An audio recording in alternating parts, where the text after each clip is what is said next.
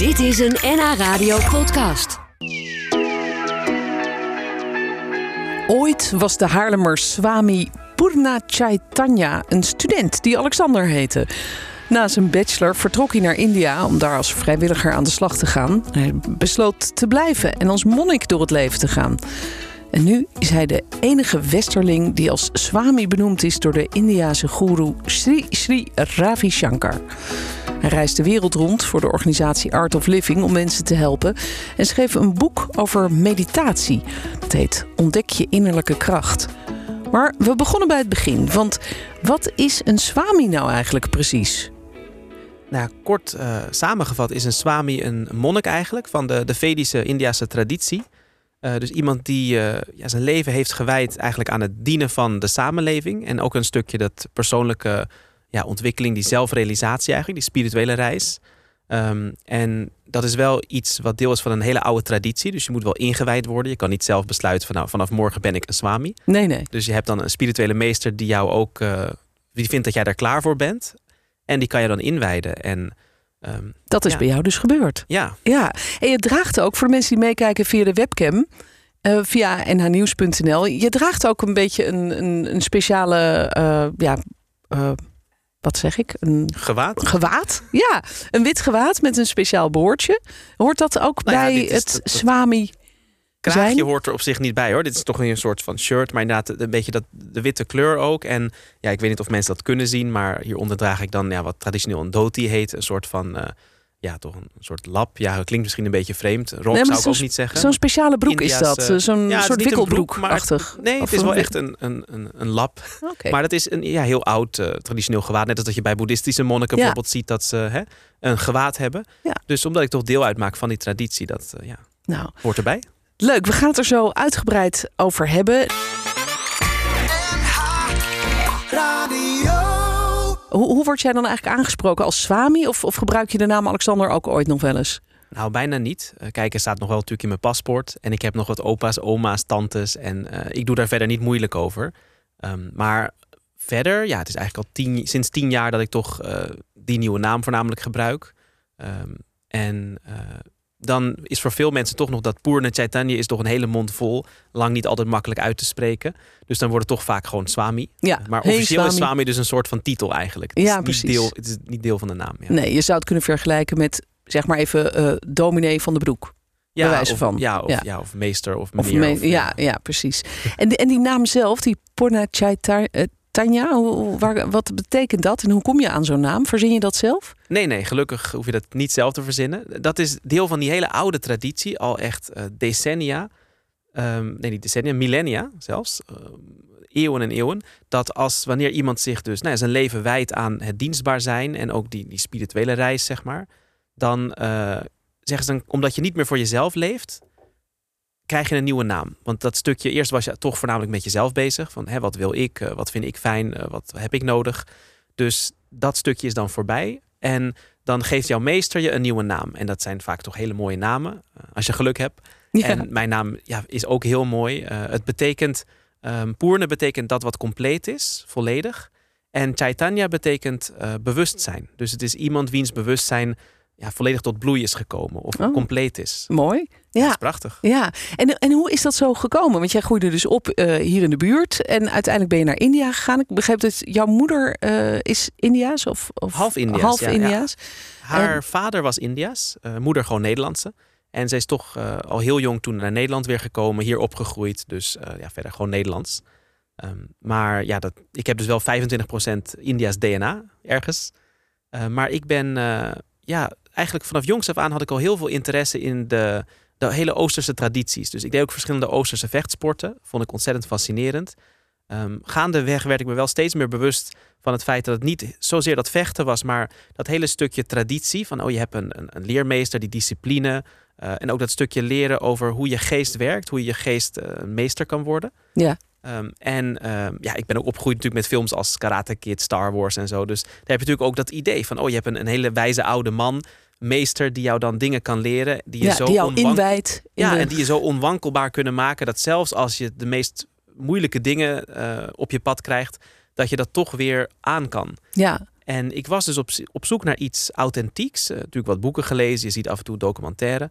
Maar uh, toen ik 16 was, ontmoette ik de oprichter van de Art of Living uh, Foundation, Sri Sri Ravi Shankar. Nou, een globaal humanitair, wereldwijd. dat is wel een bekende naam, toch? Ja, ja, ja hij is echt over de hele wereld, doet ontzettend veel. echt erkend als een, ja, als een peace ambassador. En die kwam je tegen in Amsterdam? Ja, nou, het kwam tegen. Het was niet in een koffieshop of zo natuurlijk. Uh, er was een, een, een, lezing in de beurs van Berlage. Hij was één dag in Nederland.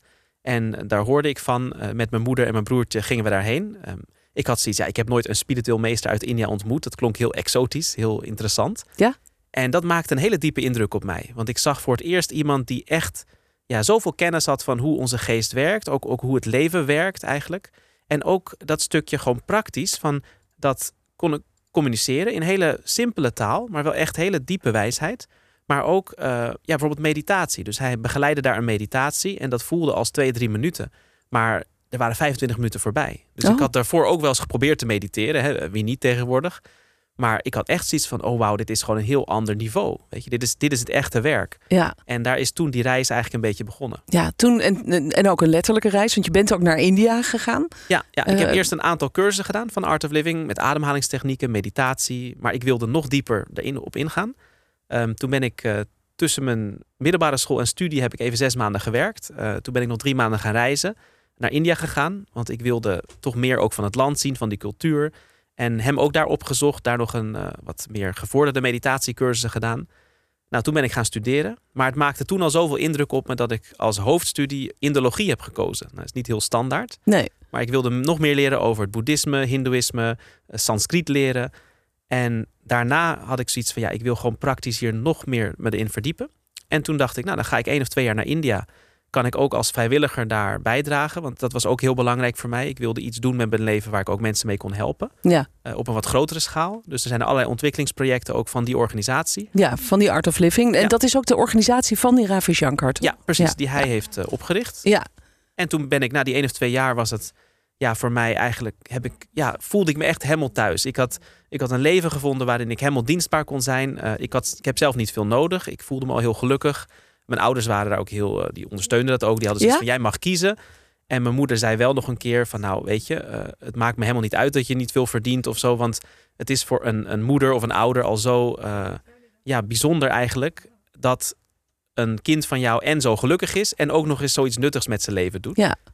Dus toen had ik zoiets van, ja, dit, dit is eigenlijk wat ik wil doen. Ik wil niet terug naar een gewoon baantje 9 eh, tot 5 en dan misschien in het weekend nog wat tijd overhouden. Af en toe mediteren. Ja, voor wat echt belangrijk is voor mij. Ja, ja, je hebt echt een weg gekozen. En, ja. en uh, bijzonder is ook dat je door Ravi Shankar dus bent uh, ingewijd als swami. En ja. volgens mij als enige westerling.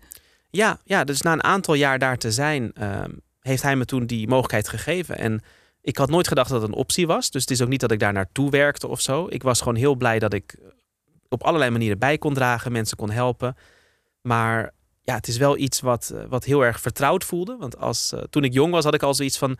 ja, dat hele idee van met zo min mogelijk bezittingen... een beetje de wereld rond, dat sprak me heel erg aan. Dus ik had nooit gedacht dat dat een optie was in deze moderne wereld. Maar, dat maar als ik nu naar mezelf kijk, ja, ik leef uit een koffertje eigenlijk. Ja. Reis de hele wereld over. En ben toch dagelijks bezig met ja, hoe kan ik mensen helpen? Op allerlei manieren natuurlijk. Ja, daar zullen we het zo nog eens even over hebben. Wat je dan precies doet. Want je spreekt niet alleen mensen toe. Je helpt mensen eigenlijk. En je hebt dus ook nog een boek geschreven. Een ja, boek tussendoor. Dat, ja, tussendoor. Dat heet Vind je innerlijke kracht. En daar geef je eigenlijk ook heel veel uh, praktische tips voor mensen die willen beginnen met mediteren. Of die al proberen te mediteren en het steeds maar niet lukt. Ik heb het ook wel eens geprobeerd. Bij mij gaan mijn gedachten echt alle kanten op. Dan denk ik, wat zal ik eens gaan eten straks? Oh nee, nee, nee, nee mag ik niet aan denken. Ja, nou, precies. dat dus, ja. Jij spreekt uh, nu dus uh, eigenlijk over, uh, over die traditie waarin je, in je staat, over meditatie. Spreek je grote groepen mensen toe. En je hebt ook een boek geschreven dat heet Vind je innerlijke kracht. Um, en je leert dus eigenlijk mensen om die innerlijke kracht te vinden door meditatie. Hè? Ja, hoe werkt dat? Nou, um, een van de redenen dat ik dit boek heb geschreven was ook omdat uh, het was eigenlijk net voor de pandemie dat ik werd benaderd door Penguin, door de uitgever in India. Van kan jij een boek schrijven dat mensen kan helpen in deze stressvolle wereld om toch weer meer hun rust te vinden, hè, je, je geluk, je innerlijke vrede. En toen brak die pandemie los. Nou, en toen werd het natuurlijk alleen nog maar relevanter. En ja. toen ben ik heel veel online gaan doen, want het kon niet offline. En ik zag dat zoveel meer mensen toch het zo moeilijk hadden, omdat heel veel van die dingen waar we normaal op vertrouwen of op leunen eigenlijk, voor onze rust, ons zelfvertrouwen, uh, onze innerlijke vrede, die begonnen opeens te wankelen. Dus of het nou je baan was die je misschien kwijt zou raken, of je bedrijf die het opeens niet meer zo goed deed. Uh, je gezondheid waar je misschien nooit zorgen over hebt gemaakt. Of sociaal leven. Sociaal leven. Van ik kan niet meer even stomen afblazen in het weekend met mijn vrienden. Dus al die dingen waar je normaal op leunt eigenlijk, die begonnen te wankelen. En dan realiseer je dus dat als je echt gewoon uh, je goed wil voelen, echt vredig wil zijn, echt gelukkig wil zijn, dan moet je dus iets van een houvast hebben die dus niet wankelt. Die niet kan, elk moment kan veranderen. Ja, dat zei je in het begin, had je het daar ook al even over. Hè? Dat onwankelbare. Precies. Dat is eigenlijk wat jij als, als jong mens al nastreefde. Van hoe vind je dat? Ja, en dat heb ik dus ook gevonden. Uh, dus die innerlijke kracht. Dus in het boek uh, is het een. Maar ja, mag je heel even, ja, want je, je zegt ik heb dat gevonden. Uh, maar wat, uh, wat houdt dat dan in? Wat er ook gebeurt, jij kan dan niet meer van slag raken, of je kunt toch gewoon vrolijk blijven? Of ja, je dat je bewust wordt dat er een deel van jou is wat onaangeraakt blijft door de situaties, door de omstandigheden om je heen. En dat is ook iets wat, uh, wat altijd vredig is, wat altijd gelukkig is. Dus uh, we weten, je bent meer dan alleen je lichaam. Je hebt ook je geest, je gedachten. Maar er is ook nog iets wat er nog voorbij ligt. En dat is een soort continu rustpunt eigenlijk. En meditatie is, is een manier om dat bewust te ervaren. En hoe meer je dat bewust gaat ervaren, dan zie je dus dat, oh, zelfs als het om me heen een zootje is, maar dan is er dus een, een plekje in mij of een deel van mij wat onaangeraakt blijft. Dat, Die inner peace. Hè? In Kung Fu Panda ja. hebben ze er ook al over. Dus, en dat is een, een constante die dus niet verandert, waar, die er altijd al is of was, maar als je dat bewust gaat ervaren, dan geeft dat je dus een heel ander soort kracht. En ja, ja dan kan je dat dus uh, ja, onwankelbaar maken eigenlijk. En dat wil niet zeggen dat alles maar oké zal zijn in je leven. Nee, ik kan zeggen, als jij iets heel naars meemaakt, ook in jouw leven zal er vast wel eens iets gebeuren waarvan je denkt, nou, dat, dat er misschien iemand ziek is of overlijdt. Uh, dat zal je toch wel raken natuurlijk. Ergens wel. En aan de andere kant, omdat je weet dat er dan toch iets is dat onaangeraakt blijft. Hè. Een voorbeeld wat ik soms geef is, uh, je weet dat de zon er altijd zal zijn. Hè? Zelfs als er wolken voor de zon zijn, of als het bewolkt is, of het nacht is, dan raak je niet gestrest van, oh, waar is de zon gebleven? En omdat je dat keer op keer hebt gezien en ervaren, twijfel je daar niet meer aan. Ja. En het is dus ook zo, wanneer jij ziet dat, oh, er is dat stuk van mij wat dus onaangeraakt blijft, dan zelfs op die momenten dat je dat even niet kan voelen, of dat je er niet helemaal bij kan, omdat je weet dat het er is, blijft je dan toch in je centrum. Ja, ja. Nou zijn natuurlijk heel veel mensen tegenwoordig bezig met yoga, met mindfulness, uh, noem maar op. Uh, maar eigenlijk begrijp ik uit jouw boek dat dat toch iets anders is dan dat echte mediteren, wat, wat jij ons probeert te leren in het boek. Wat is, waar zit het verschil? Nou, uh, tegenwoordig worden de termen vaak ja, onderling ook verwisseld soms. Mindfulness en meditatie, het is hetzelfde. Mindfulness klinkt nog iets seculierer, iets, iets moderner. Maar technisch gezien is het dus niet hetzelfde. Want in mindfulness, om het even kort samen te vatten, ben je eigenlijk bezig met uh, heel mindful te zijn, heel bewust. Dus heel bewust nou, of het ademhalen is, of je eten eten, of wat dan ook. Dus het is wel nog een, een, mentale inspanning. Het is wel een verbetering, want je bent niet all over the place. Je, je geest is dan met één ding bezig, niet helemaal uh, met allerlei andere dingen tegelijk. Maar in meditatie, echte meditatie, leer je hoe je nog aan je geest voorbij kan gaan dat hij zich naar binnen keert. En dat hij dus ook helemaal kan opladen, tot rust kan komen, heel veel impressies los kan laten. En dat is dus niet iets waar je nog steeds met je geest bezig bent. Het is niet een, een activiteit. Het is een rust die er nog voorbij ligt. ja, ja. Je kan dus uh, bijvoorbeeld heel bewust gaan ademhalen. En dat is misschien een hele verbetering. Maar dat is niet hetzelfde als meditatie. En als je denkt dat je dan al aan het mediteren bent, dan mis je dus eigenlijk nog een heel groot stuk met ontzettend veel ja, voordelen. Uh, wat je ontzettend veel kan geven omdat je denkt dat je al aan mediteren bent, terwijl het nog niet zo is. Dus het is nog maar een beginnetje. Je, je, beschrijft het, je vergelijkt het ook als een, uh, een, garage. Je gaat naar de garage, maar niet naar het huis zelf. Ja, dus je zit nog in je garage, nog niet in de woonkamer. Dus visualisaties, uh, uh, concentreren ergens op. Al dat is, dat is allemaal nog een voorbereiding op meditatie eigenlijk. Het is nog niet de echte meditatie. Oké, dank dat je hier was. Dankjewel Patricia en een hele fijne dag nog.